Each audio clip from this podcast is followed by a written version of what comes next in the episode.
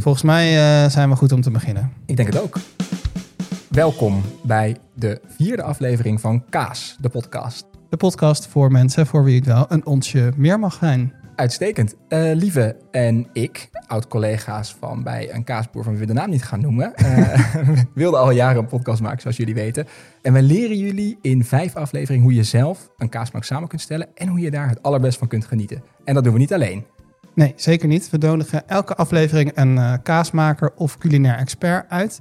En vandaag zitten we uh, toch wel in, misschien wel, het stond op de website toch? Het mooiste stukje van Nederland? Het allermooiste plekje van Nederland. En het allermooiste plekje van Nederland, dat is een soort srangila. Je komt er niet vanzelf. Hoe zijn wij hier gekomen?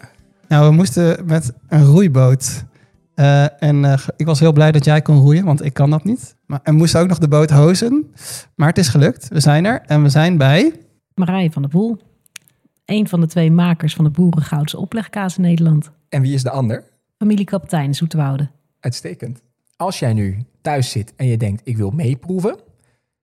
Wat je dan in huis moet halen is een stuk Vacherin Mont d'Or. En mocht je deze podcast nou in de zomer luisteren, doe dan alsjeblieft geen moeite, want dan is het er niet. Uh, maar daar komen we zo op. Hou, hou, maar, maar, maar, daar, maar daar komen we zo op. Hou ook in huis een stuk Comté, een stuk Remeker. Als je het weet te vinden, de Remeker puur, maar Olde volstaat. Hou in huis een stuk Salaire of als je het niet kunt vinden, een stuk Layol. En uh, als, je, als, je, als je echt moet zoeken, dan zou zelfs een stuk Cantal volstaan. En natuurlijk een stuk boerengoudse opleg. En daaraan valt niet te tornen. Je kan twee jaar oude kopen, 18 maanden kopen, drie jaar oude. Als je naar goede kaas speciaalzaken en er gewoon naar vraagt, boerengoudse oplegkaas, dan moet je een heel eind kunnen komen. Oké, okay, nou, dus uh, challenge. Wat gaan we deze aflevering leren? Als je deze aflevering geluisterd hebt, dan weet je uh, wat het verschil is tussen een natuurkorst en een plastic korst. Je weet dat kaas maken, harde kaas maken op eilanden waar je zelf heen moet roeien, maar ook in de bergen waar je zelf heen moet klimmen gebeur, gebeurt. En om een hele specifieke reden. En je weet waarom de kristallen die in een kaas zitten nooit of te nimmer zoutkristallen zijn. Um, toen wij hierheen reden, ontging het, ons, uh, ontging het ons oog niet dat wij over de Poeldijk heen reden. Uh, we zijn natuurlijk aan de keukentafel bij Marije van der Poel. Is dit dan ook, ja, hoe, hoe heeft de familie van der Poel die naam gekregen? Een poel is ook een water. Ja. En dat is dus, de Poeldijk is vernoemd naar het water De Poel. De Kleipoel, de Koppel, die liggen hier allemaal vlakbij. En de familie En de dus... familie van der Poel, ja, dat moet je toch terug in de tijd van Napoleon. Ja, precies. Ja. En dat was dus wel altijd al deze omgeving. Ja, dat was de, ja, mijn, ja. Mijn, mijn mans opa is aan de Poeldijk geboren. Ja, te gek. Ja, maar zijn oudste broer ging daar op de boerderij. En uh, nou, hij wilde ook boer worden. Maar ja, dat, dat, ging, dat, dat ging niet. Dus toen is hij uh, gaan boeren in Heilo. Nou, en toen uh, kwam deze boerderij hier op het eiland. De vorige twee bewoners die waren failliet gegaan. En de boerderij was van het armenkantoor. En toen dachten ze van ja, wie moeten we nu vragen? Wie durft het aan om op een eiland te gaan boeren? Want dat is toch een extra dimensie. En toen hebben ze een postduif naar Heilo gestuurd. Van goh, wil je niet terugkomen naar waar je roots vandaan kwamen? En dat was 1932. En toen is hij met een schuit met uh, vier kinderen en vijf koeien... 24 uur terugkomen varen hier naartoe om hier te gaan boeren in pure armoede. De vorige bewoners hadden zelfs de ramen meegenomen. Het was helemaal gestript. En toen is hij hier gaan boeren. Nou ja, en de, huisstal maken wij nu kaas in. Ze sliepen erboven, want dat was dan nog een beetje warm boven de koeien. En ja, zo is, zo is het begonnen. Te gek. En wij en... maken dus nog steeds op dezelfde manier kaas, wel met gebruik van moderne middelen. Maar wel nog op hetzelfde recept. En we gebruiken ook nog de kaasvaten uit 1932. Daar hebben wij heel veel vragen over, want dat is een van de meest fascinerende dingen aan de boerengoudse oplegkaas, waarvoor wij hier natuurlijk zijn. Maar nog even één, want, want dat was natuurlijk de grootvader van jouw man ja, Hugo. Als ja, ik het goed zijn opa. Dat betekent dat jij ook niet begonnen bent als Van de Poel. Nee, Nee, ik ben... je hebt een andere achter. Hoe, hoe ben je op het eiland verzeild geraakt dan? Leuk dat je het vraagt. Um, ik kom oorspronkelijk uit Scheveningen. Uh, mijn vader die was reder. En uh, wij woonden naast de zaak van mijn vader. En dus in het, wij gingen dan in het weekend... eigenlijk zocht mijn vader een plekje... dat hij niet bij de zaak betrokken was om zijn rust te vinden. En dus op, toen ik drie was... toen uh, hebben we hier aan de andere kant van het eiland... hebben mijn ouders een zomerhuisje gevonden... waar ze dus konden recreëren voor ontspanning. Nou, zo is het gekomen. Echt? Dus en ja, ik heb rechten gedaan, niet afgemaakt. En ik heb ook tien jaar in de viswinkel gewerkt in mijn studententijd tot aan mijn trouw. En toen eh, ben ik kaas gaan maken. En toen ben ik Ja. hierheen gekomen. Je Ja. wordt niet als kaasmaker geboren, maar je wordt... Nou, het is één ministerie, hè? visserij en landbouw. Oh ja. ja, precies. Ja. Oké, maar je was dus hier op vakantie op het eiland. Ja, in de weekenden en in de grote vakantie zaten we hier al eh, met mijn ouders op het eiland. Nou, dat vonden we natuurlijk geweldig. En toen waren het oorspronkelijk nog twee kaasboerderijen hier op het eiland. En nu zijn wij de enige boerderij hier op het eiland. En dan hoort al het land bij ons. Dus één boerderij. Hoe groot is het eiland? 64 hectare. En hoeveel koeien passen daarop? Nou, we hebben eigenlijk twee boerderijen. Dit klinkt ja, wel eh, decadent, maar ja, we hebben dus twee locaties eigenlijk. En hier op het eiland zijn alle koeien die melk geven en staan de kalfjes die melk krijgen.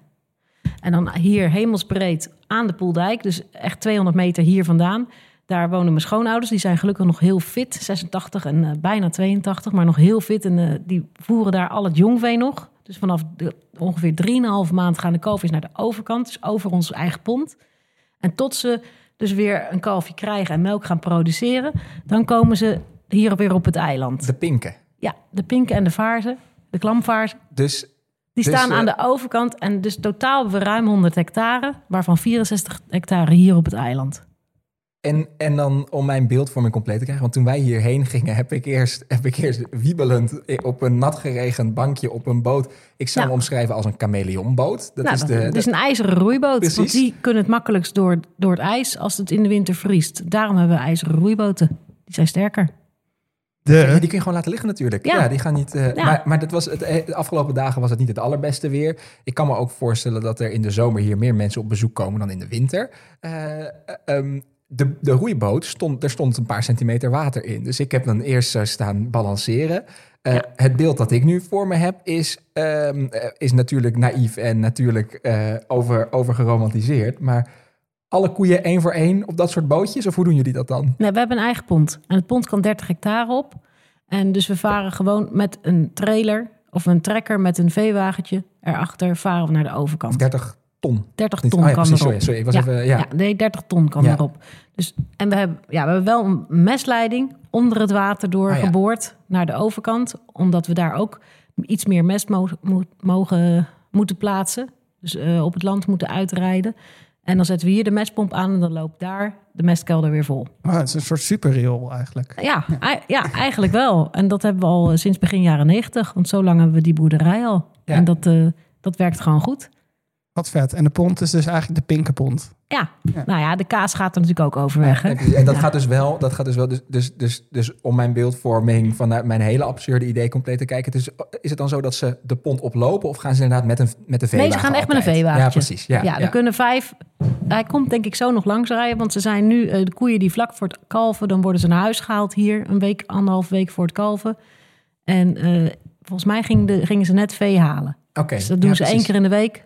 Dan brengen ze de koeien die droog gezet worden. Dus die eh, net voor het afkalven zitten twee maanden. Die gaan dan naar de overkant. En dan de, als ze een week voor het afkalven, dan komen ze weer terug. En zou je die, eh, die termen droogzetten en afkalven voor onze luisteraars die niet op een eiland eh, kaasboer zijn, kunnen uitleggen? Ehm, in het perfecte geval krijgt een koe ieder jaar een kalfje. Alleen dan kan die melk produceren. Dat is net als bij de mensen. De draagtijd van een koe is ook gelijk als die van de mensen. Negen maanden in een week. Nou, en als die koe dan melk produceert... dan op een gegeven moment groeit het kalfje in de buik weer. Ze wordt opnieuw eh, eh, zwanger. En dan krijgen ze dus weer dat kalfje dat groeit. En dan gaan ze... eh, dan geven ze weer zeg maar, een aantal maanden melk. En dan twee maanden voordat het kalfje geboren wordt... wordt ze droog gezet Was dat een koe? Er zit hier in de hoek een eh couveuse kalfje. Ik heb dat helemaal nog niet gezien. nee, Het was ik even vergeten te zeggen. Er zit een echt een koe. Dat kalfje is Je een... zegt net moe. Ja, dat kalfje Dat is kan is ruim... net geboren. Die is vrijdag vonden we deze op de roosters. En die eh, koe was dus net droog gezet. En eh, dus twee maanden voordat ze moet bevallen, wordt, het, wordt ze droog gezet. En dan gaat ze gewoon chillen met de vriendinnen. Hoeft ze geen melk meer te geven. En alle energie die ze in zich heeft, mag ze aan het kalfje geven. Deze koe die werd droog gezet, maar die werd ziek. En dan heeft de natuur ervoor gekozen om het kalfje af te stoten als redden van de moeder. En dat kalfje vonden we dus op de roosters. Nou, met hele korte haartjes. Nou, ik denk dat die 15 kilo weegt. Heel klein. Ik kan zo bij hem kijken. Maar wacht Ze even. kan nu Ja, staan. ons, Ze kan nu ja, staan. ze staat Dus het is- uit een soort... Gemiddeld, ja, er is een kalfje dus twee keer zo groot als dit. En eh, dus we zijn het hele weekend zijn we er al aan het vertroetelen. En ze heeft een eh, koeiendekje of een eh, hondendekje om, want dat past er allemaal niet om warm te blijven. En ja, het is echt eh, ieder uur een beetje biest. En nou staat ze. Dus Ja, nou gaat ze het doen. Voor het eerst ook, of weet je dat? Nee, ze is vandaag voor het eerst gaan Ah, staan. Dus, Dit maar is- we, ze moeten het even omschrijven hoor, want we zitten hier dus in een keuken of een ontvangstruimte. Dat, ziet er, dat was, je vertelde net vroeger de was- paardenstal. Nee, dit was de varkenstal. Oh, de varkenstal. Ja, 90 jaar oud is deze ruimte. Maar het is nu dus heel mooi omgetoverd tot ontvangstruimte waar we fijn kunnen podcasten en waar ook een keuken is. Maar naast de koelkast staat dus een soort box, eigenlijk waar je ook een kind in zou kunnen doen, alleen zitten er geen spijltjes in. En, en daar zit een, een, een kalfje. Een Ik klein denk, wit kalfje met stippen. En zij, het is net een Dalmatiër, zo ziet hij eruit. En we noemen er ook Stip. En ze mag gewoon blijven wonen hier. Dus ze mag groot worden. En ook wij willen gewoon... eh, ze hoeft geen hoogproductieve koeien, koe te worden. Maar ik vind, dit is ook leven. Het, het- ik, ben, ik sta echt Ik helemaal een paf. flabbergasted. We moeten het ook nog over kaas gaan hebben. het, is, het is echt onwerkelijk. Eh, voor de luisteraars, eh, eh, volg Kaas de podcast op Instagram. Dan vind je de foto's. Zeker. We gaan een video maken, denk ik. Ik denk het ook. Oké, Geweldig, zullen we het zeg. hebben over Ja, wacht, kaas? nog heel even, nog Oh, ja. heel even om de... dus, dus het eh droogzetten betekent stoppen met... Ja, de, koe, de gift van een koe, dat is net als een piramide. Dus je krijgt een kalfje en dan gaat de gift van de koe gaat omhoog, de melkgift. En op een gegeven moment zakt die weer. Daarom moet ze dus opnieuw een kalfje krijgen. En dus als die melkgift echt naar 4, 5 liter is, dan zetten we haar droog. Dan hoeft ze gewoon niks meer te produceren. En dan gaat ze gewoon lekker relaxen. Mhm. En dan kan het uier weer herstellen. Ah, precies. Ja, en dus, dus die, die periode van zwangerschap, voordat het kalfje geboren wordt, is dus ook heel erg belangrijk Ja. voor het herstel van Ja. de koe eigenlijk. Ja. En daar wil je dus ook, um, daar is de winter eigenlijk voor. Of hoe, moet, hoe moeten wij Nee, dat zien? gaat is- jaar rond. We ja, de kalfjes worden eigenlijk jaar rond geboren. Ja, en dat is dus ook om jaar rond de productie te kunnen draaien. Ja. De productie van de Boerengoudse opleg. Yes. uitstekend. Nou, nee, dat moet ik corrigeren. Oh. Want de boerengoudse opleg wordt gemaakt alleen als de koeien dag en nacht buiten lopen. Precies. En dus op Ja. dit moment wordt er ge- geen BGO, dat is de Mhm. afkorting van boerengoudse opleg, wordt er geen BGO gemaakt. Maar die wordt gemaakt van zeg maar eind april tot en met eh, nou, september. En waarom? Omdat daarna het gras minder groeit en de koeien dus s'nachts binnen staan. En in de winter staan ze dag en nacht nu binnen. Ze zijn nu net dag en nacht binnen. En, en wat doet dat? eh, wa- waarom kan je er dan geen BGO meer van maken?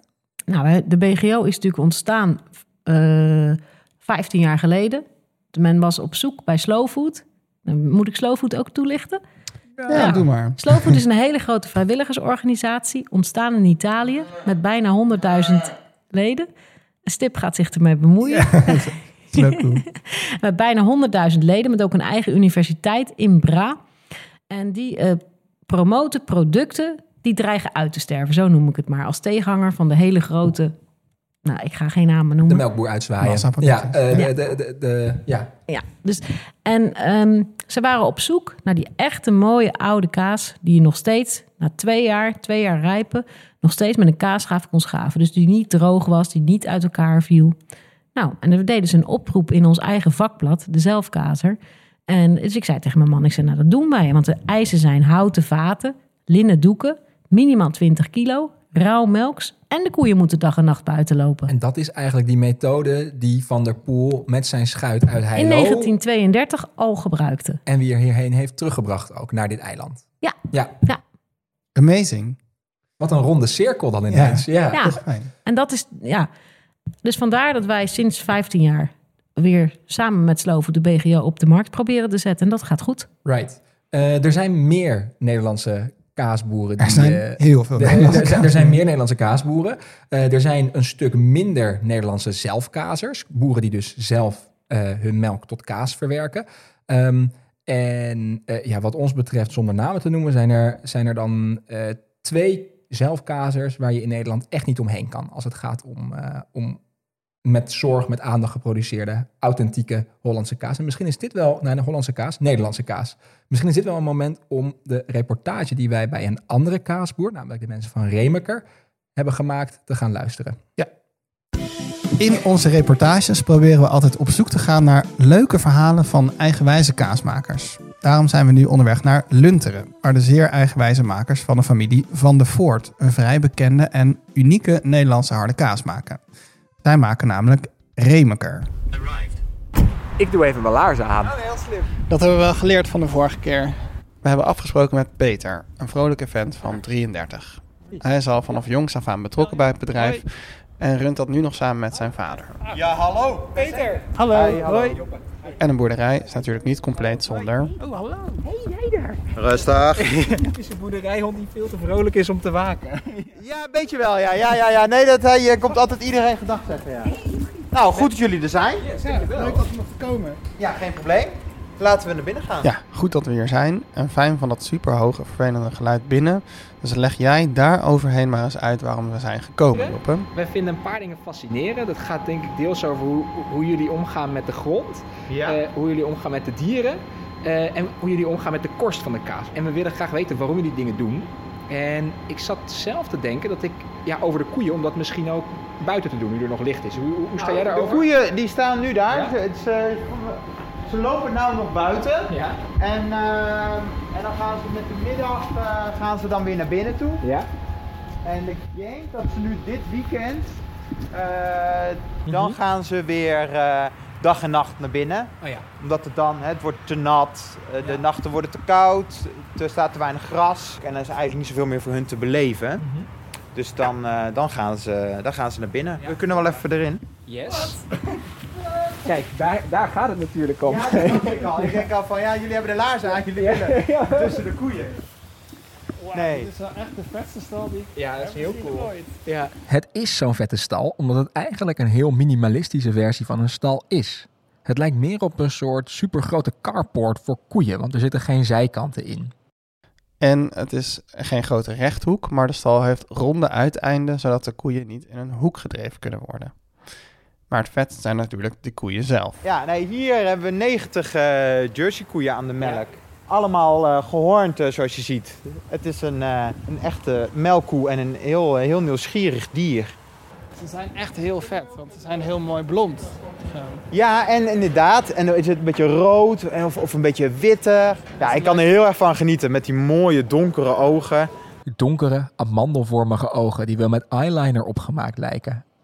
En ze hebben dus die hoorns. En dat is bijzonder, omdat de meeste boeren die er afhalen of zelfs uit het ras fokken. Daarvan hebben ze bij Rebenker 15 jaar geleden besloten om ze erop te houden. De koeien worden niet meer onthoornd, omdat de hoorns functioneren als mineralenreservoir in mindere tijden, zoals de winter.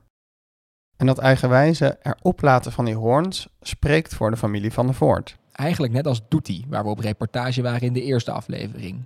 Zij gaf ook aan dat het allemaal begint bij de bodem. Het gaat allemaal onder balans rondom de boerderij, die voor een unieke smaak kan zorgen. Ja, ja, ja. En wat je dus ziet is dan de schimmels die leven op onze, eh, op onze landerijen. Dat je die dus ook kan terugvinden in de kaas.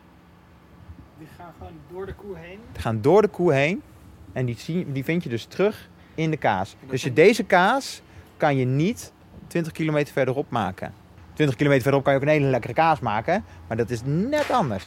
Is niet deze. En het is niet deze. Het is een hyperlokale kaas. Ja, het, het is het complete plaatje. De bodem moet in balans zijn, de dieren moeten in balans zijn en, en, dat, en dus ook de kaas.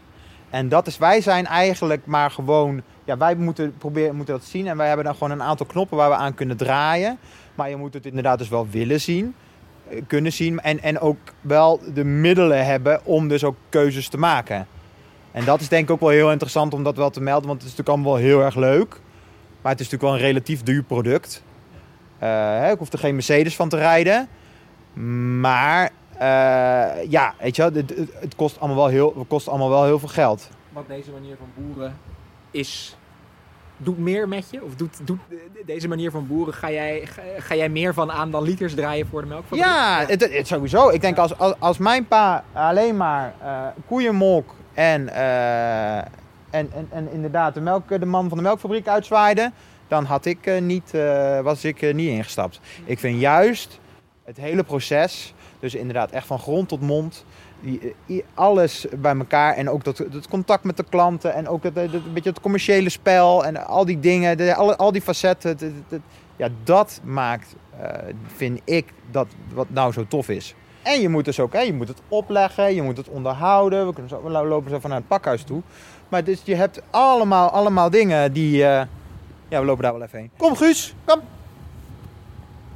Die ligt ook weer lekker, eh, lekker in de pot te chillen. Dus ja, ik denk vriendin is niet blij als hij thuis komt. Jullie met de luister gewoon naar binnen? Ja, dat is goed. Oké, waar staan we nu? Wij staan nu in, eh, in het pakhuis. En dit was, is een boerderij uit 1910. En je ziet de oude balken zie je nog. In 2016 hebben wij eh, het helemaal gestript. En alleen de balken en de buitenmuren zijn blijven staan. En daar hebben wij een natuurpakhuis eh, in gecreëerd. Voor de kaas met, met de natuurkorst. Een natuurpakhuis. Is dat een speciaal soort pakhuis? Het is een speciaal soort pakhuis. Wat leuk dat je het vraagt.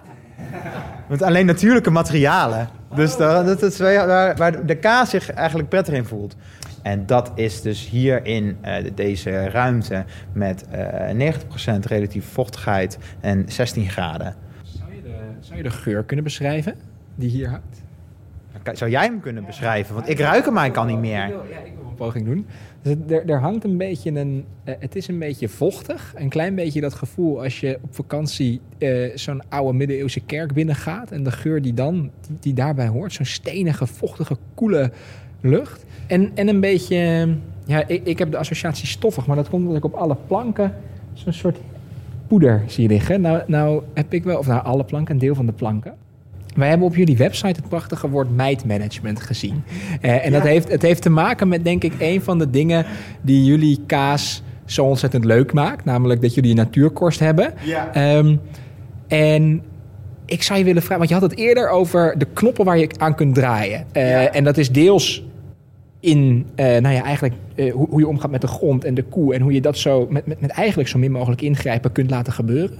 Wat zijn nou de knoppen waar je aan kunt draaien tijdens het kaas maken? En wat is nou de functie van de natuurkorst? Want dat is een, dat is een, een prachtig en ongrijpbaar woord. Een kaas heeft een korst en die kan dus kennelijk natuurlijk zijn, maar ook niet natuurlijk. En waarom kiezen jullie nou voor die natuurkorst? Nou, eh, om maar eerst met je laatste vraag te beginnen. Wij hebben gekozen voor de natuurkorst omdat wij buiten bij de dieren, hè, waren we, eh, vonden we dat we heel goed bezig waren. Hè, natuurlijke vitamines, kalfjes bij de moeder en geen antibiotica. En dan eh rauwmelks verwerken, de melk. En dan kwam het hier en dan ging er meteen houtlijm op. En dat is eigenlijk, nou, dat deden we al jaren en dat, dat ging zo en dat werkte ook perfect. Dan heb je een mooie dichte korst. Je kan er zo'n mooi plaatje kan je erop doen, weet je wel. Dat, kan je, hè, dat is helemaal, helemaal prima. Maar het stak al wel heel lang dat we dachten van... ja jongens, we moeten toch wel wat anders kunnen verzinnen hiermee. Dus nou, er zijn natuurlijk wel een aantal mogelijkheden. Je kan de kaas wassen, wat je wel ziet, veel, veel bergkazen, die hebben een gewassen korst. Maar ja, wij hebben geen bergkaas, weet je wel. We hebben onze eigen Remekerkaas. Dus dat, dat, dat, viel echt zeg maar af.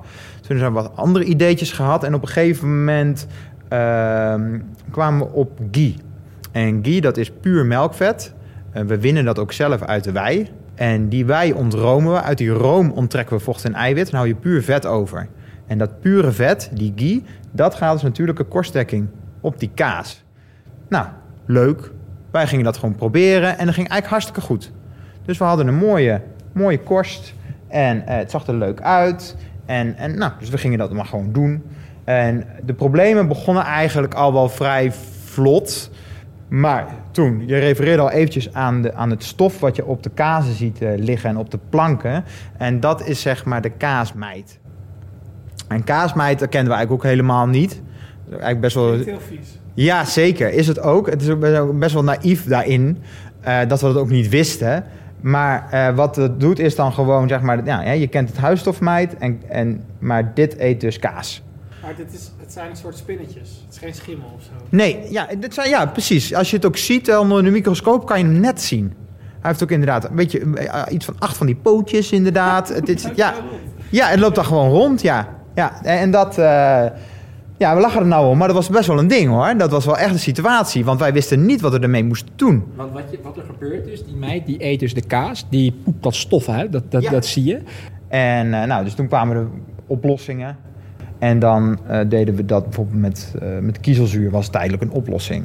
Dus dat was heel dun gesteend en deden we hem op de planken en op de kaas. En als de meid dan daar doorheen liep, ja, dan, dan, dan ging die dood. Maar ja, het was wel heel dun stof. Dus je moest er met een masker op werken, weet je. Dat was, dat was, dat was niet echt heel cool. Eh, niet omdat het niet leuk uitzag, maar vooral ook omdat, ja, ik wil geen stoflongen. En eh, dus dat was wel een tijdelijke oplossing, maar dan konden we wel in ieder geval die populaties brachten we wel heel erg terug. Populaties meid gaat het dan over. En toen, Nou, gingen we een nieuw pakhuis gingen we bouwen. Toen dachten we van, hé, hey, misschien komen we er wel helemaal van af, weet je wel. Dus dat we gewoon helemaal opnieuw beginnen. En dan weet je wel, een soort quarantaine. En dan alleen, alleen, alleen het oude daar. En dan moet je jezelf wassen. En dan, en dan in het nieuwe stuk, weet je wel. Beetje hetzelfde idee hoe we corona gaan bestrijden, weet je wel. Dat het dat ook gewoon weg kan. Zo dachten we het ook over de meid. En uh, dus, maar uiteindelijk kwam het dus ook gewoon in, in het nieuwe pakhuis. En we hadden ondertussen wel een nieuw idee. We deden niet meer met kiezelzuur, maar met etherische oliën. En dan, dat, gingen we dan, hè, dat zou dan de meid buiten de deur houden. Want dat, ze houden niet van die geuren. Dus je pepermunt en lavendel en dat soort dingen. Ja, ja, ja, ja. Nee, het is echt, alles heeft de revue gepasseerd hoor. Ja, je, je, je, was, je, moet, je moet gewoon wat. Dus toen deden we dat.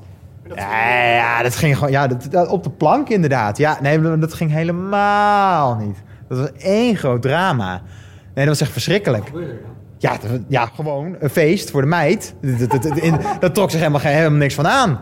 Dat is, dat is echt gewoon van, nou, uh, ik weet niet wat jij aan het doen bent. Maar waren allemaal dure kruiden met echt een paar honderd euro per zak. Waren we gewoon aan het wegstrooien, willy-nilly. Uh, gewoon voor saus. De meiden waanden zich in een, in een boheems kuuroord. Ja. Ja. Ja. ja. een lekker geurtje, kaasje erbij.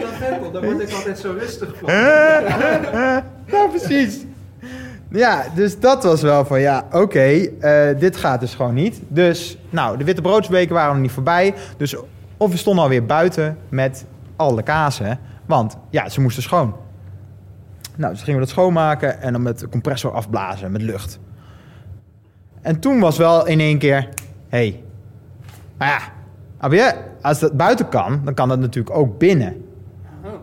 Dus als we nou gewoon met een regelmatige basis alle kazen afblazen met lucht, dan hou die populaties laag. Kom je niet in die hockeystick. Dan hou je dus inderdaad hè, de R onder de 1. En dan. Uh, het is echt een soort virus. Het is, ja, nou, het, het, het, zeker. Maar dus je blaast het af en dan stofzuig je of zo. Hoe moet ik ja, dat dan zien? Dan zag je dus ook op een gegeven moment, toen we ermee gingen beginnen, dat je eerst, nou, dan kwamen de stofwolken ervan af. Maar week na week werd het gewoon steeds minder. Dus toen had je dus, weet je, er zijn nu misschien nog wel enkele duizenden meiden in dit hele pakhuis. Waarbij het op het hoogtepunt 100 miljoen miljard was. Ja, maar je, gaat echt met een soort compressor zo eroverheen. Ja. Ziek. Dus je ziet, hier komen hier een smalle gedeelte uh, van, uh, van het pakhuis. En hier liggen de kazen die allemaal worden ingesmeerd met de ghee. Oh ja, hier ruikt het ook veel sterker. Hier ruikt het in één keer een stuk sterker, terwijl we eigenlijk maar een paar meter verder zijn. Hè? Je ziet er hier ook, hier ligt ook al vocht. Ja. Oh ja. Dus deze zijn nieuwer. Deze zijn nieuwer, dat kan je ook zien. Hier, afgelopen vrijdag is zijn deze ja. gemaakt. Dit komt uit het uh, bad. Ja. Doe je zo mooi de naam erin. Ja. En dan ga je die ghee eroverheen smeren. Ja. Hoe doe je dat? Nou, je verwarmt de ghee. En dan uh, tot een 60 graden. En dan met een washand was je, duw je echt maar een beetje die ghee gewoon erin. En dan een dunne laagjes. Dunne laagjes, niet beetje te dik. Bij beetje. beetje bij beetje. En dan een dun laagje erop en dan leg je hem weer weg. En dan twee dagen later keer je de kaas om. En dan doe je de andere kant. En zo doe je dat beide kanten drie keer. Drie keer en dan is ja. het klaar. En dan is het klaar. Nou, Hartstikke superleuk. bedankt voor al je uitleg en voor, uh, voor de gastvrijheid ook. En Nou. hopelijk tot snel. Ik fiets, uh, ik fiets regelmatig van Amsterdam naar Doorn. En ik denk dat ik, dat ik, dat ik binnenkort ook wel de, de, de omwegen via hier ga maken. Dat is ook wel een leuk stuk. Nou, kom even Amersfoort langs fietsen. En dan, eh, dan wandel je gewoon daar naar Ja. achter. En dan En zeg daar je zijn hallo. jullie. Ja, ja, yes. Ja, ja, doen we. Hé, hey, later. Gaan we met kakschoenen de auto in? Blijkbaar. Ja, we moeten wel hè. We hebben hier natuurlijk niet in ons eentje naar geluisterd. We zitten nog steeds in de, in, in, in de couveuse kamer met Stip. en eh, ik ben heel benieuwd, Marije, hoe heb jij, eh, eh, want jij kent deze mensen een beetje. Het rijpen van de kazen, dat doen, daar, daar hebben we het vooral over gehad in deze, in deze reportage. Jullie doen dat niet zelf, toch? Nee, bij ons gaan de kazen na twee, tussen de twee en de drie weken gaan ze naar vaste afnemers. Waarom is dat? Eh, omdat wij hier niet de ruimte hebben en niet op de mooie, eh, niet op, wel op een hele mooie locatie wonen, maar niet praktisch. Dus dan moet iedereen overkomen roeien om een paar kazen te halen. Nou, dat werkt niet. Dus en wij zijn goed in kaas maken, maar niet in het affineren van kazen. Ja, want dat is echt een vak Dat, apart. echt, dat hoor je ook heel duidelijk bij de Remeker. Dat is een vak apart. En dat, ja, dat, daar zijn we gewoon niet. Nee. daar hebben we geen tijd voor. Ja, ja, en waar je dus wel tijd voor hebben is de boerengoudse oplegkaas maken. Ehm, een, een goudse kaas is natuurlijk een heel bekend soort manier van kaas maken. Zou je, wa- wat, wat is nou precies een goudse kaas? Zou je dat voor ons kunnen ja, uitleggen? Een goudse kaas is een harde kaas gemaakt van Nederlandse melk. Dat is het. Nou, dat is eigenlijk. Maar nee, daarnaast moet hij natuurlijk ook nog aan een aantal voorwaarden voldoen. Hij moet ook nog. eh, er staan echt eh, vaste. Ja, hoe noemen we dat? Een vast recept is ervoor. Maar je hebt wel verschillende stromingen in goudse kaas. Je hebt een vroegrijp goudse kaas. En een opleg goudse kaas. En die van jullie is een... En die van ons is een oplegkaas. En wat is dan een opleg? Een oplegkaas is gemaakt om op de planken gelegd te worden. Eigenlijk eh, wordt die met een heel laag vochtgehalte gemaakt. Dus daarom vind ik het ook zo mooi dat wij toch nog steeds heel nauw samenwerken met Slowfood. Want hij wordt dus langer, langzamer duurt het maken van de kaas. Wij zijn op de ochtenden, we maken dus zes ochtenden per week kaas. Alleen op zondag niet. En dan zijn we langer bezig met kaas maken. Zodat die wrongel nog meer rijpt en lager in zijn vochtgehalte zit. Dat als je hem op de planken legt, dat hij langzamer doorrijpt. Want daarnaast heb je dus een vroegrijpkaas. En een vroegrijpkaas wordt gemaakt met een heel hoog vochtgehalte. Die houdt dus, die trekt ook eerder zout aan. En als je die op de planken legt, rijpt die veel sneller door. Maar je, ja, en dat is het grootste verschil. Maar als je die dus oud laat worden, dan gaat die toch, de smaak gaat toch minder worden. En een oplegkaas, die kan je dus na twee, drie, vier jaar nog steeds schaven. Dus een jonge kaas kan je niet oud laten worden. Nee, een vroegrijpkaas. Ah, wat Die moet je niet oud laten worden. Dan brokkelt hij. Ah, oké. Maar Dan, dan, valt hij uit elkaar. En een oplegkaas met een laag vochtgehalte, die, kan je langs, die rijpt veel langzamer door. En is het dan ook als je... eh, Heeft het dan ook te maken het brokkelen met het vetgehalte van de kaas? Nee, Niet- het is echt eens. vocht. Nee. Oké, Nee. ja, het is echt alleen maar vocht. Ja. Ja. Vet, als je harde vetten hebt, dan krijg je spleetjes. De spleetjes eh, lijkt me goede aanleiding om te beginnen met proeven. En luisteraar, als je denkt, ik begrijp er helemaal niks meer van, het wordt je allemaal duidelijk. Eh, we nemen je aan de hand mee door een kaasplank die hier voor ons ligt. De Remeker, waar we net naar hebben geluisterd, die gaan we proeven, maar niet als eerst. Want ook hier is het weer zo dat er een bepaalde opbouw zit in de smaken op je kaasplank. Ook al eet je alleen maar harde kaas. En als we nu de kazen zien die voor ons liggen, dan valt op dat er één kaas helemaal niet hard is. Nee. Ehm, dat heeft te maken met die spleetjes. En eh, omdat wij het hier van tevoren over hebben gehad, heb ik het vertrouwen dat ik aan Marije kan vragen of zij kan vertellen wat dit is. En wat dit nou te maken heeft met, met eh, ja, de harde vetten en de spleetjes in de kaas. Je hebt meegenomen een mondor. Hoe ziet die eruit? Hij loopt op de kaasplank. Dat betekent, dus het is, nou jullie kennen allemaal wel de brie. Dus eh, de brie heeft een zacht gedeelte in het, midden, in het midden. Dat is eigenlijk het lekkerste, het romige. En dat loopt, deze loopt dus. Dus hij is echt super rijp. En dan krijg je dit. En een mondor, mondor die wordt in de winter gemaakt. Als in de zomer, dan lopen de koeien in de bergen. En dan maken ze de comté. Maar in de winter krijgen die koeien hooi. Dan staan die koeien binnen. Als je daar een harde kaas van maakt, dan krijgt die spleetjes. Daar hadden we het net over. Dan zijn de vetten zijn heel hard in de melk die die koe produceert. Dus daarom maken ze dus, eh, de, de kunnen ze geen harde kaas in de winter maken. En dan kiezen ze ervoor om de mondor te maken. Wij maken dus ook zomers, van april tot en met eh, begin oktober, maken we boerengoudse oplegkaas. En daarnaast, de andere maanden, maken we een kaas die gegeten wordt als die, eh, totdat hij de leeftijd van belegen kaas Een heeft. jong rijpe kaas. Een, ja, nee, niet een vroegrijpkaas. Dat maken we niet. Nee? Nee, maar wij laten de kaas dan alleen niet heel oud worden. Nee, we Ja. maken altijd Ja. oplegkaas. Ja, Alleen de boerengoudse oplegkaas wordt dus als de koeien dag en nacht buiten lopen. En de rest van het jaar maken wij gewoon een goudse belegen boerenkaas. right. En betekent dat dan als we naar die, eh die, die vacherin kijken, want, want je had het ook al over de comté, dat is de zomerse broertje. Ik denk dat we straks nog iets uitgebreider daarover gaan vertellen tijdens het proeven. Eh, is dat dan een mindere kaas dan een comté of is dat gewoon iets anders? Is Het is gewoon een een- totaal andere Ja. kaas. Ik vind het alle twee schitterende kazen. Uitstekend. Dat is goed om van een, eh, goed om van een, eh, een, een goudse Hollandse kaasboerin te horen. Dat ook de twee dingen die wij dan als, eh als kaaswinkelsnops uit Frankrijk hebben meegenomen, eh, dat ook die in de, in de smaak vallen. Eh, zal ik of wil jij? Nou, je hebt dus als eerste de Mondor. Eh, we hebben ook geleerd in de vorige aflevering een beetje hoe je van een zachte kaas... Ja, die kan je wassen en dan wordt die wat rooiger. Dat heeft deze eigenlijk ook. Eh, en wat heel belangrijk is bij de Mondor, is dat er, hij rijpt in een houtje.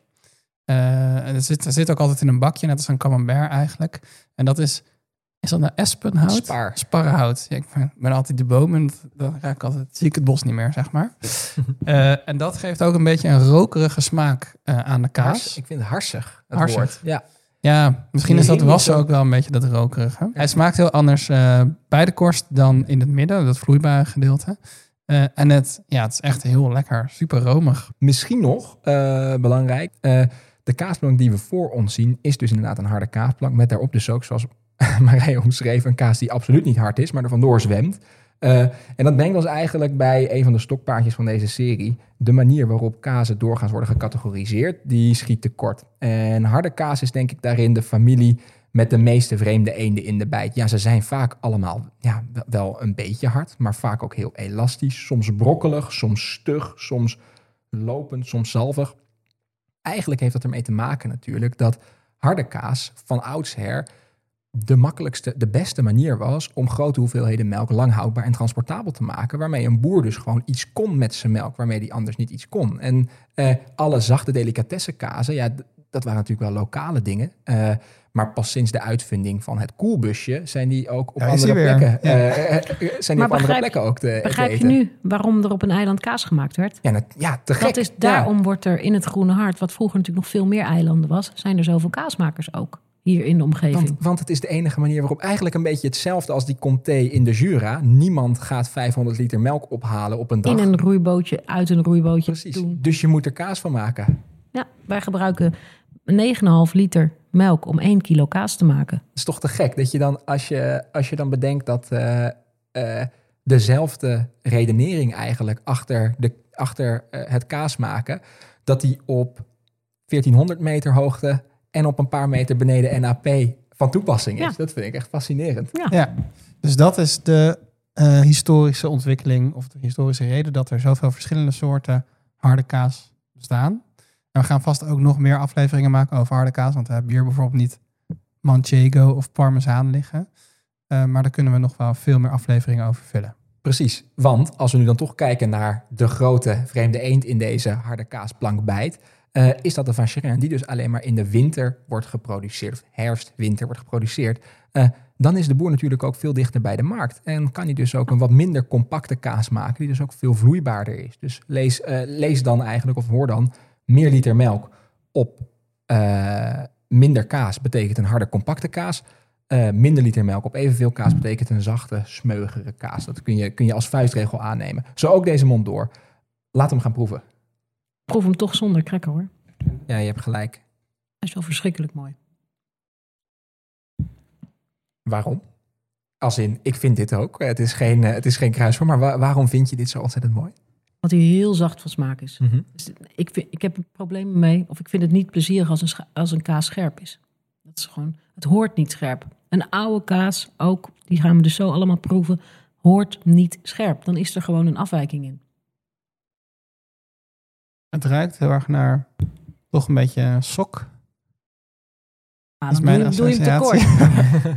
Zonder eh, een, van een heel knap persoon.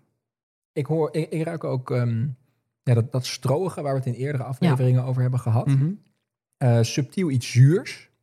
Eh, een hele ja, ronde, rijke, warme geur eigenlijk. Ja, maar ook het fris zure. Ja. Komt ook heel, heel mooi naar voren. Het is gewoon echt een hele plezierige kaas. Mhm. Maar dus alleen verkrijgbaar in een bepaald seizoen, namelijk het winterseizoen van, laten we zeggen, oktober tot aan Maart. maart. Ja, dus als de koeien weer naar buiten gaan. Ja. Een winterkaas, Ja. eigenlijk. Overigens, als je dus eh, wil, wil kaasfondue, maar geen zin hebt om te roeren, eh, is dit je beste vriend. Zet hem in de oven, eh, lang en lauw, eh, en je hebt kaasfondue. Ja. Zullen we door naar Ja. zijn Nou, we gingen de kaas toch ehm, Oh ja. neutraliseren met een kaas die van hier komt. Ja, dit is de jonge kaas.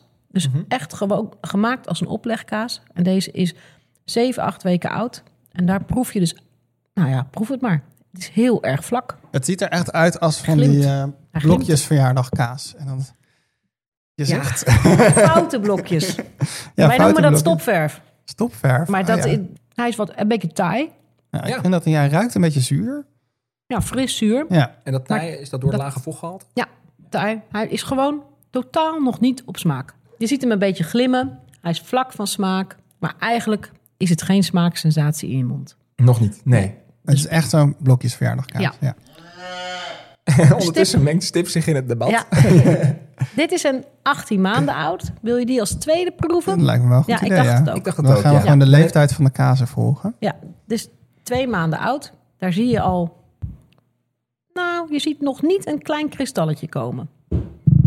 Die wel gaatjes. Ja, je ziet wel oogjes. Dat is al bijzonder. Want onze kazen hebben er over het algemeen heel erg weinig oogjes. Mhm. Dat betekent dat mijn man super schoon gemolken heeft. Ja. En ik super schoon kaas gemaakt. Ja, want scho- oogjes betekent bacteriën Ja. in principe. Ja. ja. Ik, heb, eh, ik was vorig jaar redacteur bij de Nationale Wetenschapsquiz. En toen had ik eh, een vraag verzonnen over hoe komen die gaten in die kaas. Eh, toen was er dus een verhaal uit Zwitserland eh, dat ehm, bekende Emmentaler-achtige kazen steeds minder ogen kregen. En de reden daarvan was dat ze steeds sterieler gingen werken. De oogjes vormen zich ook ten opzichte van oneffenheden in de kaas. Ja, ik heb, ik heb wel eens begrepen dat het ging over stukjes, omdat het niet meer in de, op de boerderij wordt gemaakt, dat het ging om eh, stofdeeltjes van het Ja. stro, eh, dat, dat op en Dat rond de dat boerderijen hing, en dat dat erin moest en dat daar dan daaromheen, Oh. daar gaan natuurlijk bacteriën ontzettend groeien. En dat de gaten in de emmentaal verdwijnen, omdat de emmentaal steeds minder op de boerderij wordt gemaakt. Dit is voor dat? mij echt een compleet nieuw verhaal. Echt. Daar geloof ik echt helemaal niks van. Nou, ik ben er ook heel zwart-wit in. Ja, Ik heb de artikelen nog op mijn computer staan, dus ik zal ze naar Ik je ben heel benieuwd. En dan kom ik erop hebben- terug. Ze hebben een kaas onder de X-ray gelegd. En dus Oké, eh, ja. het was echt, het is een heel grappig artikel. Oké, nou die wil ik graag lezen. Nee, wij, zijn- ehm, wij zijn van mening dat... ehm, stel dat, mijn, eh, dat er een koe ziek is... en met een hele... eh, bijvoorbeeld een coli-besmetting. Mhm. De koe is heel ziek, heeft een ziek ontstoken uier... en mijn man heeft niet door dat ze ziek is. En die koe, de melk gaat in de kaastobbe... en ik maak er de volgende dag kaas van. Dan krijg ik een kaas met allemaal hele kleine gaartjes. En hij krijgt een beetje gassige smaak. Ietsje, pietje gassig. Dan krijg nou, dat is niet wat we willen. Want wij willen geen scherp. Ook als ehm, de leiding. We vergeten op een dag de leidingen te reinigen. Waar de melk door vanuit de melkput naar de kaastobbe loopt. En je krijgt melkresten in die leiding. En hij is niet gereinigd met superheet water. Dan krijg je lacto. En een lacto is eigenlijk een oude melkrest. Daar gaan we kaas van maken. Dan krijg je kazen met frambozenoogjes. Ja, van die, van Bubbeltjes. die bubbeltjes, van die Bubbeltjes. bru- bruisjes Nou, haast. eigenlijk ja, als je het ja, ja. oogje echt bekijkt, heeft hij de vorm van een framboosje. Ja, precies. Ja, dus een, en een die krijgt oogje. een stalsmaak. Ja, ja. En ook dat gassige, het scherpe. En dat is niet wat je wil. Je kunt het inderdaad herkennen aan het soort, het soort oogje. Ja. Ja, maar dit zijn de meest voorkomende Ja. afwijkingen. ja. Kijk, en bij de Emmentaler, de Leerdammer, maar daar heb je er ook nog een paar boerenvariaties. Vinkentaler, Tienjetaler. Mhm. Zo hebben we er nog een paar. Die hebben hele grote ogen. Ogen zo groot als eieren. En dat is de propionbacterie. En die geeft een, ook een zoetige, ja. een zoetige smaak. Zoete, nootachtige... Ja, een beetje, maar dat- ook stal. Maar dat is dus een, een varkens dragen de propionbacterie bij zich. En dat is Ah. ook eh, dus boerderijen die en kaas maken en de wei terugvoeren aan de varkens. Dus de wei is wat overblijft bij het Ja, kaas maken. Tuurlijk, ja. Dan stel je gaat de varkens voeren, dan moet je echt douchen, dan ga je weer kaas maken. Hmm. Want anders breng je die bacterie Ja. weer terug. En zo En is dat- dus dat- dat ook ontstaan. Nou, Ja. dat denk ik wel. Ja. Ja. Maar dat willen we niet. Onze kaas hebben heel erg weinig oogjes. Hugo heeft schoongemolken, ik schoon kaas gemaakt. En ehm, dan krijg je dit. Nou, hoeveel... echt tiny oogjes. eh Ja. Denk eh, niet eens een half centimeter in Ja, en enkele. en enkele. En ze moeten ook nog mooi glimmen. Als er Ja. dan een oogje in zit, dan moet die glimmen. Mag dan is die perfect. zijn. Nee, Ja. En wat is dat dan? Wat zit er in dat gat? dit is, is gewoon lucht. En dat kan je, ja, je kan tijdens het kaas maken kan je er lucht in brengen. Dus dat is de Nederlandse kruimelkaas, de boerenkruimelkaas. Dan wordt die wrongel wordt nog even goed doorgeroerd. En dan krijg je hele kleine luchtgaartjes. Opgeklopt eigenlijk. Ja, en bij ons, eh, dat is gewoon toeval. Dat zijn gewoon eigenlijk bak- ja, ook bacteriën. Maar dit is gewoon prima. Dit is een mooi glimmend klein oogje. Hebben jullie hem geproefd? Hoe vonden jullie hem? Ja. Dit is wel een kaas die ik zou op mijn boterham zou willen doen. Ja, nou deze is dus 18 maanden oud. Dan mag hij de titel Boerengoudse oplegkaas dragen. En, eh, maar het is gewoon een heerlijke ja. En, dooreetkaas. en anderhalf jaar, de grap, veel anderhalf jaar oude kazen zijn dus al oud, een stuk zouter van smaak vaak. Komt dat dan ook door het lage vochtgehalte waar jullie de kaas maken? Ja. Dat die dus minder zout aantrekken, dat die Ja. dus na die hij is 18 ook maanden... echt laag in zoutgehalte. Ja, te gek. En dat is dus, het gaat dus niet om dat jullie er minder zout aan toevoegen. Het gaat er echt om dat hij in zout het toe. pekelbad minder zout, eh, minder zout Opneemt. opneemt. Ja. Ik zou eigenlijk echt niet zeggen dat dit een oude kaas is. Als Ja. ik het zo, Nee. eh, Ja. zo op mijn boterham... Of als ik het nu zo proef. Mooi, het is hè? nog zo eh, smooth. En dat komt eigenlijk omdat wij altijd, eh, altijd voor, voor de gek zijn gehouden wat, eigen, wat oude kaas eigenlijk zou moeten zijn. Wat bedoel je? Nou, dat, dat er dus een idee is, oude kaas is, is hard en brokkelig en Ja. smaakt zo en zo. Terwijl als je dus kaas maakt eh, met een laag vochtgehalte, eh, dan, dan blijft die kaas veel subtieler. Dan blijft die kaas veel En ook minder. veel langer Ja. goed is. En dat is dus de reden waarom Slowfood dit product wil behouden. Hey Joppe, dit is weer een reclame. Ken jij de website cheesescience.org? Mm, Is het niet cheesesciencetoolkit.org? Nou, dat gaan we nu uitzoeken. Nee, Oh, nee. ik had gelijk. Het is cheesescience.org. En deze website is geweldig. Waarom? Als je wil nerden, dan... Wow. Ik zie als eerst de 10 stappen, vijf kaasmythes en histamine. Eigenlijk is het een website waarvan je als je op wetenschap gebaseerd kaasnop wil zijn, dan moet je hierheen. Het zijn gewoon allemaal verschillende onderwerpen waar ze korte blogjes met hele mooie grafiekjes over No hebben way. geschreven. How in the world is the Manhattan Project connected to cheese? Precies, deze is een van mijn favorieten. Fondue. Dan gaan ze dus uitleggen waarom je eigenlijk meerdere soorten kazen nodig hebt in een fondue en wat de functie is van die kazen in je mix. Het is echt prachtig. Microbes 101. Ga, mensen gaan naar deze site. Lees smakelijk. Leuk. Ja, De comté. de comté. Wat ruiken we? Bloemetjes. Ja, hè? Ja, Honing. ja honing. Ja. Ik vind hem echt... Ja. Hij ruikt is- ongelooflijk lekker. Hoe oud is deze? Hij is vieux gewoon. Ja, Ja, niet extra veel. nee. Nee, want hij heeft te weinig kristallen daarvoor en hij Ja. is te soepel. Ja, want hier zien we is- dus wel echt die kristallen. Ja, maar je proeft ze nog niet. En die kristallen, dat is natuurlijk het verhaal in de kaaswinkel. Ja. De vorige aflevering hebben we het heel hard gehad over de roodschimmel, waar mensen de hele tijd mee aankomen. Maar dat is dus een Oh. rode bacterie. En hier hebben mensen het altijd over oude kaas met van die zoutkristallen erin. Nou, als ik hier excursies doe, ik denk dat echt 95 tot 99 procent van de mensen denkt dat het zoutkristallen zijn. Dus ik vertel het ook altijd. Het is een eiwitkristal, weliswaar gebonden met calcium. En dat is wat je proeft. Proeft er wel een. Ja, en als je, dan, als je hem in je, op tussen je tanden hebt, dan is het wel alsof je een soort zoutkorrel doorbijt. Ja, maar het is, het is geen zout. Dus Het is het- een beetje zanderig is het.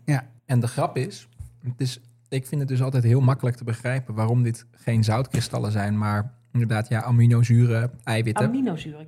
Sorry, Ja. ik zocht het woord net. Ja, dus, dus aminozuren die uitkristalliseren met calcium inderdaad. Eh, misschien wel leuk als eh, voor, de, voor de scheikundig ingesteld onder ons. En als je niet scheikundig bent ingesteld, moet je vooral ook eh, blijven luisteren, want dat zal je leven verlichten.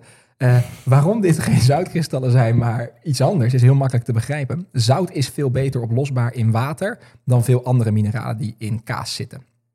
Als het water uit de kaas tijdens het ouder worden verdampt, dan verdrukt het zout, omdat het beter oplosbaar is in water, de andere mineralen uit het kleine beetje water dat nog in de kaas overblijft tijdens het ouder worden. En de mineralen die dus kristalliseren, niet meer opgelost zijn in het water, zijn dus mineralen, zijn, zijn dus verschillende aminozuren, maar ook calcium en dat soort dingen. En per definitie dus niet zout. Precies. Kijk, dan begrijp ik het. Nou. Eh, en wat ook zo bijzonder is aan deze kaas, behalve dan heel erg diepe smaak op de een of andere manier, of heel, blijft heel lang hangen, voor mijn gevoel maar de korst. Want bij de Nederlandse kazen kennen we natuurlijk vooral de plastic korst. Of is het plastic? En wij noemen het altijd coating. Coating. Ja. Plastic coating. Plastic. Het is wel plastic. Ja. Nee, goudse kaas is ingesmeerd met een ja, coating. Ja, dat hoort bij de goudse kaas. Waarom? Om makkelijker schoon te houden. Het is een ademende korst. Dus niet een wax, wat natuurlijk niet ademt. Waardoor die kaas altijd de leeftijd heeft op het moment dat je hem wakst. En een, ehm, de coating die wij erop smeren, wij gebruiken wel de biologische versie. Dus bij geen natamycine zit erin. Natamycine is een schimmelwerend middel. En de coating zorgt ervoor dat de kaas niet uitdroogt, makkelijker schoon te houden is. Als er een, ehm, een filmlaagje of een schimmeltje opkomt, dan kan je hem heel makkelijk weer schoonvegen. Het is gewoon makkelijker. Om te En hij beschermen. ademt om te beschermen en hij ademt dus nog steeds. Dus de Ja. kaas rijpt nog steeds langzaam door. Dus er het kan vocht uit, maar niet in. Juist. Zo simpel. Het is een soort Gore-Tex. Ja. ja. Eh, dat doe je dus met, eh, dat, doe je, dat, dat is heel gebruikelijk voor goudse kaas. Eh, als we nu kijken naar de volgende kaas op dit kaasplankje, ja, moeten we de comté nog even verder bespreken? Want wat proeven we eigenlijk? We hebben, we hebben genoemd wat we roken. Bloemetjes. Bloemetjes. Bloemetjes, maar ook hooi. Dat vind Ja. ik toch wel grappig, want het is dus in de bergen gemaakt. Maar toch proef je ook nog een klein beetje hooi. Ja. Maar ik vind het, Ja. ja, het is een hele Grassig mooie. is dat dan misschien. Ja, het is een mooie smedige kaas. Ja. 18 maanden. Eigenlijk ook enigszins te vergelijken met de BGO. Die we net hier ook van 18 maanden oud hebben Ja. geproefd. Maar wel dieper van smaak, vind ik. Ja. ja of st- sterker of zo. Hij is Meer, sterker meer van smaak. uitgesproken Ja, zo, dat ja. klopt. Vol ook, inderdaad. Wat betekent smedig? Smedig is eigenlijk... ehm, eh, de consistentie is smedig. Zo, zo zeg je dat in Kaasland. En hij is eh, dus niet hard of ruw in je mond. Hij is gewoon nog zacht in je mond. Het smeugen van een harde kaas. Smeuig, ja. Eigenlijk, Ja, ja. maar smeuig kaas is heet het het niet. smedig. Ja, precies. Want smeuig, dat is dan ook weer, weet je, ja... Romige, loperige dingen. Ja, precies. Ja. En smedig is nog steeds plezierig in je mond. Ja, smeuig is ook nattig en smedig, dat is droog, maar wel soepel. Juist. En, ja, Ja, en je, zegt het, je zegt het heel eh, grappig. Dat was het kaaswoord van deze week. Smedig. Ja. Nice. Eh, als we dan, we hebben de korst besproken, hebben we de comté, dus de, het, eh, de familie uit de Jura eh, he- heeft de revue gepasseerd op onze, op onze keukentafel. Ehm, we gaan nu kijken naar een Nederlandse kaas. Eh, Dus geen plastic op de korst heeft. precies, geen Nee, dat is was, geen coating. De Remeker. Precies. Heel spannend. Daar zijn we ook op reportage geweest. Remeker heeft ook altijd heel erg weinig oogjes in de kaas. Gemaakt van eh, melk van Jersey koeien. Ja, precies. Dat hebben we in de reportage komt het een beetje voorbij, maar dat zijn dus andere koeien dan Ja. die jullie hebben. Ja. Eh, jullie hebben de Friesian Holsteiner koe. Dat is een hele, ja, eigenlijk de meest populaire koe. Is dat de meest populaire koe ter wereld? Eh, dat denk ik eigenlijk wel. Ja, denk ik wel. Gewoon de mijn zwart-witte. Ja, mijn schoonvader is... mijn schoonvader zijn vader is in 1932 begonnen met blaarkoppen. Dat was toen nog heel veel, kwamen die voor in Nederland. Toen kwamen de Holstein Friesian koeien. Die produceerden veel meer melk. Dus toen zijn ze eh, toch weer gaan inkruisen. De Holstein Friesian met de blaarkoppen. Dus die kregen een eh, grote koeien. Jerseys zijn ook klein, blaarkoppen zijn klein. Maar bla- eh, blaarkoppen hebben ook nog wat meer vlees op de botten. Dus eigenlijk een beetje een dubbel doelkoe. En Holstein Friesium zijn een beetje, beetje boutkasten. Eigenlijk. Die zijn groot, maar die zijn echt gemaakt om melk te geven. Ja, het is echt een uier op een lange poten. Ja, Ja. en dat, dat, nou, dat beviel ons toch niet. Dus we zijn een aantal jaar geleden, wij maken nu eh, bijna 25 jaar, maken bij Man en ik kaas. Wonen we hier op de boerderij. En wij zijn dus ook weer terug, toch weer naar een dubbel doel. Dus weer blaarkoppenbloed, nog steeds erin. Dat zit er nog in, maar toch weer blaarkoppenstier gaan gebruiken. En ook, eh, je noemde het net al even, de Montbéliarde. Ja. En de Montbéliarde is een Franse dubbeldoelkoe die ook goed melk geeft met een sober rantsoen. Want wij leggen ook onszelf op om onze koeien zo min mogelijk bijproducten te geven. Ze moeten het doen met zoveel mogelijk vers gras, want dat hebben we genoeg hier. Wat doet, wat doet dan die, eh, de, de samenstelling van de genenpool van jullie kudde? Wat doet dat met de melk? Als je het vergelijkt met een kudde, een, een Nederlandse kudde die vooral, ehm, eh, die vooral Holstein, Friesian koeien heeft? Wij hebben een hoog eiwitgehalte en een laag vochtgehalte. En als dat heel nauw bij elkaar zit, haal je er heel veel kaas uit. Uitstekend. En, ja, en dan wel specifiek voor jullie soort kaas. Ja, voor de goudse oplegkaas. Nu hebben we de Remeker. Ehm, Jersey koe, dat zijn dus hele mooie blonde koeien. En die geven ook wat minder melk, maar ook wel heel vette melk. Ehm, veel eiwit ook. veel eiwit. Proef je dat ook in de kaas terug? Hier bij deze kaas proef je ehm, een flink zuurtje. Ja, Dat ruik je ook. Ja, je ruikt hem ook. Ehm, hij is heel zacht van smaak. Toch weer dat smedige. Komt goed naar voren. Het is ook een, ah, een kaas op leeftijd al. Mhm. Dit is de puur. iets heel nootachtigs, wat, je, wat ik helemaal niet zo associeer met Nederlandse kaas. Je proeft goed de kristalletjes al. Ja. Heel veel. En het heeft ook iets boterigs misschien. Hij gaat heel je mond door. Mhm. Zoet, zout, zuur, bitter. Ja, Het zout, ik vind hem niet zout. Absoluut Nee. niet trouwens. nee. Ondanks dus die kristallen mensen, want dat zijn dus geen zoutkristallen. Grapje. En die korst is dus echt wel iets bijzonders in Nederland. Volgens mij zijn er maar een paar kazen die op die manier gemaakt worden. Of En- volgens mij is er maar één. Mhm. Ja, je hebt ook nog Koboender, toch? Oh ja, dat die, klopt. Die strijkt hem dicht met En appelstroop. Twentse hooikaas. Ja.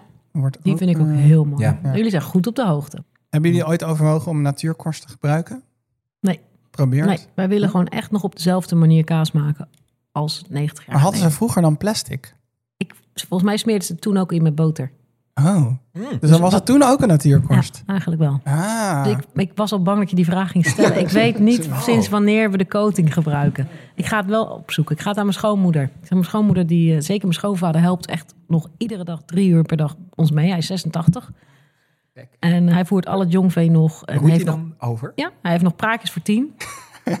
hij is zeer markant. Kunnen wij onszelf vast uitnodigen voor de volgende serie van Kaas... om dan ook met je schoonvader om tafel te zitten? Ja, In, in de lente. ja dat vindt hij echt geweldig. Nee, dat vindt hij echt geweldig. Hij Ja. heeft een ontzettende tunnelvisie. Hij leeft voor de kaas maken. Ik bedoel, ik was een niet-katholiek meisje die uit de stad kwam.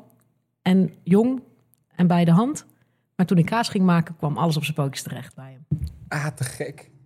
Ja, het maakt allemaal niet uit. Al- Als je al maar die, goede al die kaas conflicten- maakt. Al die conflicterende wereldbeelden en al die erfenissen van de verzuiling. Nee, wat telt is, eh, wat telt is de wrommel. Ja, ja. Ja. Nou, echt. Als we dan, eh, we hebben de Remeker geproefd, dus een volle rijke, eh, rijke kaas. Als we naar de volgende kaas in deze selectie kijken, is dat een hele andere kaas. En ik, ik, ik zou aan een van jullie twee willen vragen of jullie hem zouden willen beschrijven. Oké, deze is ook zeker gemaakt met een natuurkorst. Daar is volgens mij helemaal niks op gesmeerd. Je ziet, eh, ik, ik, ik ken deze kaas absoluut niet. Het Ja, is, het is dus, een harde kaas. je bent erop aan het tikken. Ja, ik heb een harde kaas. Ik weet niet wat ik hiervan moet zeggen. het, is een, eh, het is dus een stuk salair. Eh, het is een heel gebruikelijke manier van harde kaas maken om de wrongel te verhitten met warm water voordat je de kaas in de vorm doet. Dat noemt men pat cuit. En dat is eigenlijk bij bijna alle kazen, eh, bijna alle harde kazen die wij gewoon kennen met een homogene kaasmassa, is dat het geval. Klopt dat Marije? Is dat bij jullie ook zo? Ja, wij brengen het met water terug naar de lichaamstemperatuur van de koe. Ja. En, en terwijl je dat doet, eh, Krimpen de deeltjes wrongel. En dan pers, pers je er, persen ze eigenlijk nog de, het beetje wei dat ook in die brokjes wrongel overblijft, wordt eruit geperst. Right. Dan is die wrongel dus lauw. Stort je het in een vorm en pers je het aan. En de eiwitten erin die kleven dan samen. Ja. Dan krijg je een mooie homogene gladde kaasmassa zoals wij die allemaal kennen. Dit is heel anders. En dit hoort bij een hele ja, een familie binnen een familie. eh, binnen de familie van de harde kazen dus. eh, die de gechedderde kazen heet. En gechedderde kaas, daarbij gaat dit een beetje anders. Dus kaas maken is altijd melk. Eh, het zuurt, je zuurt het iets aan. Je ver- eh, verhit het terwijl je er stemsel bij hebt, eh, aan hebt toegevoegd. Dan snij je de wrongel die ontstaat. Dat zijn brokjes. Eh, en hier wordt alles anders binnen deze. hier is het grote, schisma, het grote schisma binnen de harde kaasfamilie eigenlijk. Je hebt dus de kazen die we net hebben besproken, waar je dus die gladde homogene kaasmassa kijkt, krijgt. Hierbij zijn die blokjes wrongel dus niet verhit, niet gespoeld ook. Nee, ze trekken alleen de stop in het vat eruit, bij wijze van spreken, en de wei die lekt weg. Dan wordt de wrongel nog wel gekneed om er een deel van de overgebleven wei uit te persen. En daarna wordt die in de vorm gestort. Eh, en omdat dat dus ook niet eh, ja, verhit is, kleven die, verkleven die eiwitten minder. En dan hou je dus ook veel meer echt die losse brokjes. En dat zie je ook heel duidelijk. Hij heeft een beetje een gemarmerde structuur, is daardoor ook poreus. En daardoor verloopt de rijping van dit soort kazen ook heel anders, eh, omdat er veel meer zuurstof in het spel is. Ehm, dit soort kazen, ja, het proces heet cheddaring. Ehm, ja, Ook je in raadt al. Je raadt, je, raadt al waar, je raadt al waar vandaan. Het is eh, een van de, een van de, de, de, bronnen geweest eh, eh, waarom het tussen Frankrijk en Engeland natuurlijk nooit echt heeft geboterd. De, de, Engelsen claimen het uitgevonden te hebben. De Fransen doen het misschien al wel langer. In Frankrijk vindt men dit soort kazen vooral in de Auvergne en de Layolle. In Engeland dus, dus rond cheddar. En dat zijn eigenlijk altijd grote, zware cilinders die men ook op elkaar stapelt, omdat ze dus ook veel minder worden geperst. In Nederland heb je echt zo'n ja, pers met een schroef die je aandraait en dan, dan, wordt, dan pers je het vocht uit de kaas. Hier niet, die cilinders, die worden in Engeland met linnen omhuld. In Frankrijk gewoon een beetje zo gelaten. Die stapelen ze op en door het gewicht van de toren kaas die je hebt, wordt er toch nog een deel van de wei uitgeperst.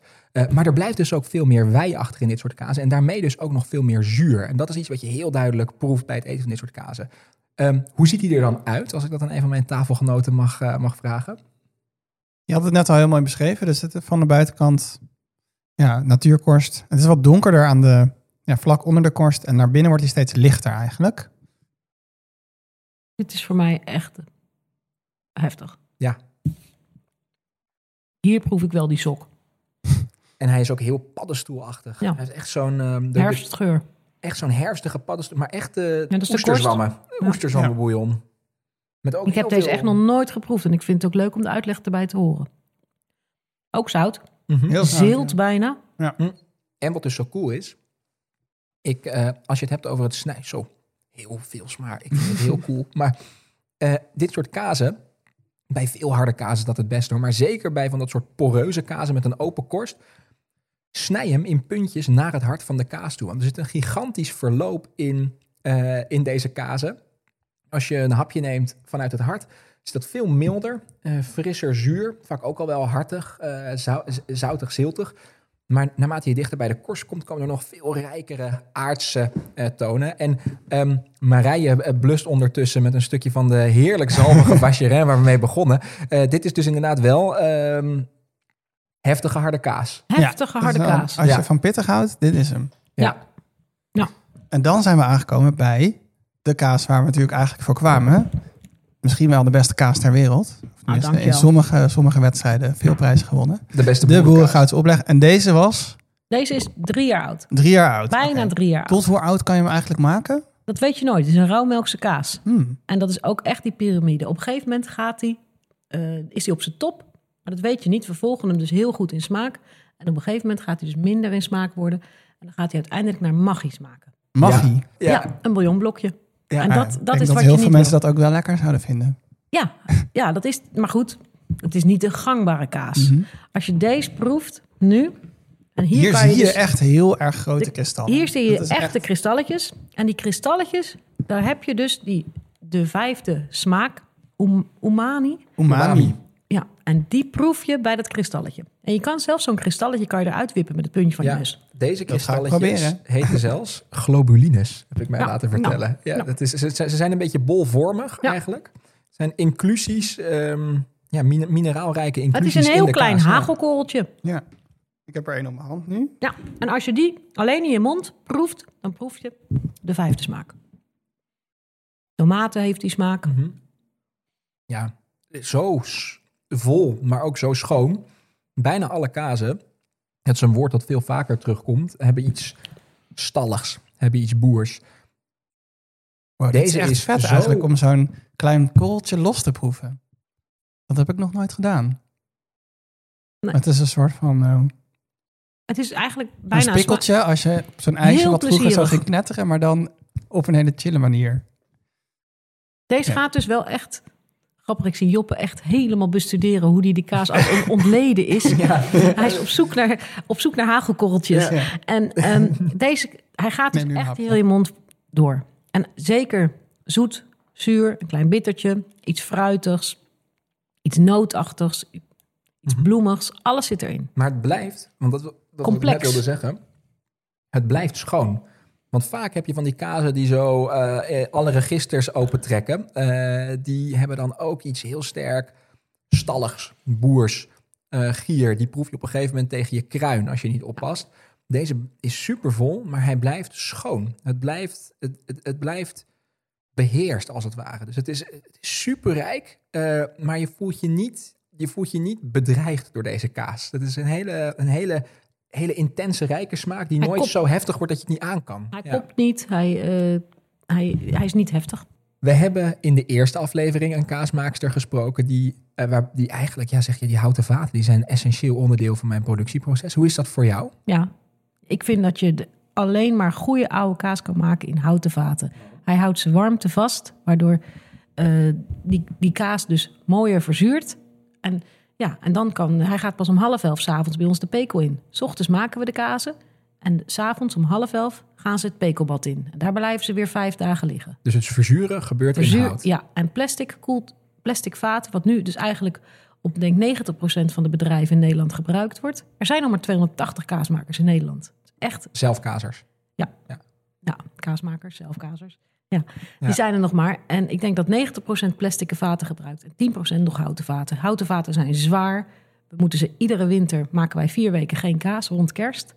En dan schuren en lakken we die vaten weer. En zodra ze weer droog zijn, gaan we weer kaas maken. Right. Dus met jonge, je zou dus zeggen, want dit vind, ik, dit vind ik heel interessant, veel zachte kazen, die maakt men bewust in houten vaten. Dat is de laatste tijd, eh, ja, ja, is, dat, is dat weer aan het opstaan als het ware, na een periode van sterilisering.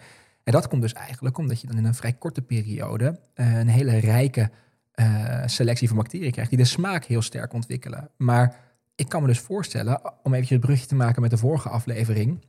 Wij hebben een poging gedaan een roodflora kaas te maken. En dat ging helemaal mis. Eh, dus als je zo'n kaas net iets te oud wil laten worden. Ja, op het moment dat je er gewoon net niet genoeg zicht hebt wat er aan bacteriën in zit. Dan kan het dus ook heel erg mislukken. En met een harde kaas die bedoeld is om op te leggen. Is dat gewoon een risico dat je niet kunt lopen. Niet wil lopen. Ja. Nee. En hij is echt inderdaad nog smedig. Dus hij Ja. valt ook niet uit elkaar in je mond of zo. Nee. Zie je ook wel eens in vrij restaurant dat ze dan zo'n hele stoere Tesselse schapenkaas zo neerleggen. Alleen maar brokkels. Maar dat kan hier bijna niet. Ja, Nee. Hij ligt hier toevallig nu wel in stukjes. Nee, maar dat komt omdat ik het mooier vind.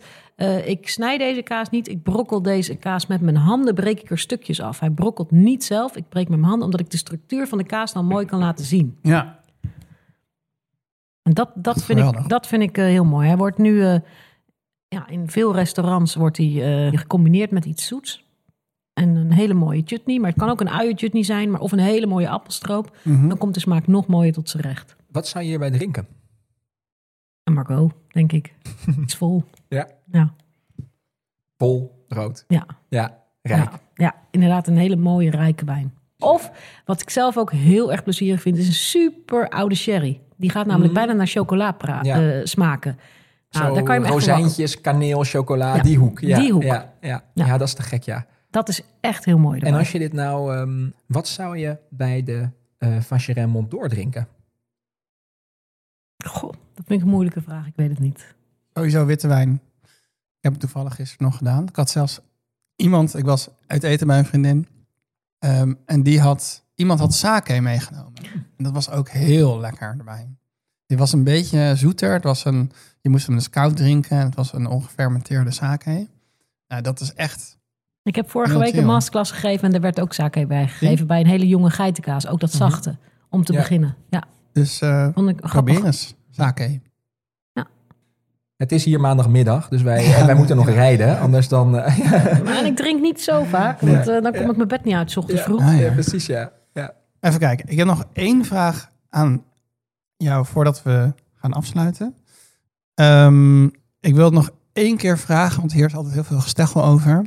Maar ik dacht, ik vraag het gewoon iemand aan die het maakt.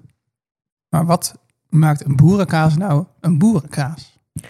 Een boerenkaas is eigenlijk een GTS-kaas. Een GTS-kaas is een ga- gegarandeerd traditioneel specialiteit. Hij is rauwmelks. Ehm, en je ziet dat terug aan het stempel, aan het etiket, wat op de kaas zit. Ah, het is plakkertje. eigenlijk, ja, het is, een, eh, het is gemaakt van een, kaas, eh, van een kaaseiwit. En op dat stempeltje, dat heeft de vorm van een tonnetje. En daaraan, daar staat een nummer op. En dat nummer, dat is, dat, daar kan je altijd aan opzoeken wie de kaas gemaakt heeft voor trekking en tracing. De boerenkaas wordt ook gemaakt op de boerderij waar ook de koeien zelf zijn. ja, dat is cruciaal. Ja. Ja. Dan is de cirkel rond, denk ik. Ja, Ja. ehm, hierna gaan we het hebben over blauwe kazen. Precies. Want dit is wel iets wat je ver op je plank legt meestal. Blauwe kaas, ja, dat is een van de laatste eh kazen die je proeft op je kaasplankje. Het is vaak wat zouter. Ik ben heel benieuwd. Jammer dat ik niet mee mag. Bij wie, waar gaan jullie heen? We gaan naar Ricardo van Ede. Hij is eh, chef eh, nu in het restaurant Vessel in de Houthavens in Amsterdam. Even kijken. Ehm, bedankt voor het luisteren naar deze aflevering van Kaas. De podcast. We willen natuurlijk vooral Marije van der Poel bedanken. En natuurlijk ook Hugo, haar man. Ehm, we willen bedanken. Roos Poelman, die heeft de muziek gemaakt. En Dianne Rijnbente. En ehm die andere heeft hele mooie kaarten ontworpen. Die ga ik jou nu geven, want ik heb ze nu voor het eerst bij me. Oeh, dat vind ik wel heel leuk. We hebben, kaarten, eh, we hebben kaarten laten maken met daarop een grafische representatie van de verschillende families waar we het over hebben in deze vijf podcasts. En Iedere aflevering heeft een eigen kaart. En die kan je dus naar je vrienden sturen. Eh, en op de achtergrond staat dan een QR-code. Ja, je mag het openmaken hoor. Ehm, op de achtergrond staat dan een QR-code. En dan kunnen de vrienden, als die ook van kaas houden, dit scannen en meteen naar de podcast luisteren. Dus stuur dit naar je vijf favoriete kaasminnende vrienden om op afstand iets te hebben Echt om over te Een spreken. heel origineel en de kaarten zijn echt geweldig. Ja, want het is leuk Heel een podcast modern. maken, maar niet gratis. Dus dit is de enige manier waarop je ons kan steunen. Ja, nou, ik vind het echt leuk. Dankjewel. Graag gedaan. Oh, jou dan. Ja, tot jullie... de volgende aflevering. Reis door Kaasland.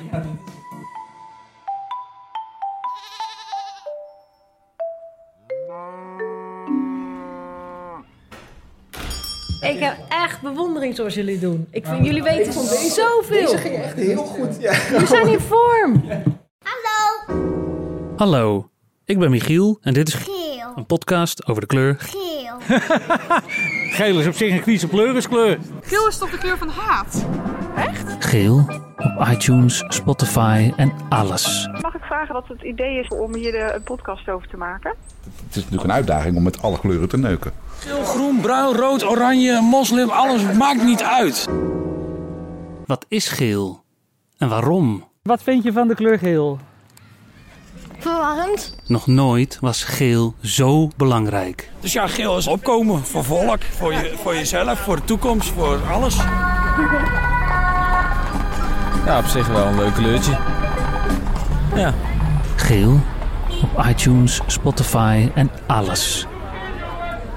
Doet doet. Geel.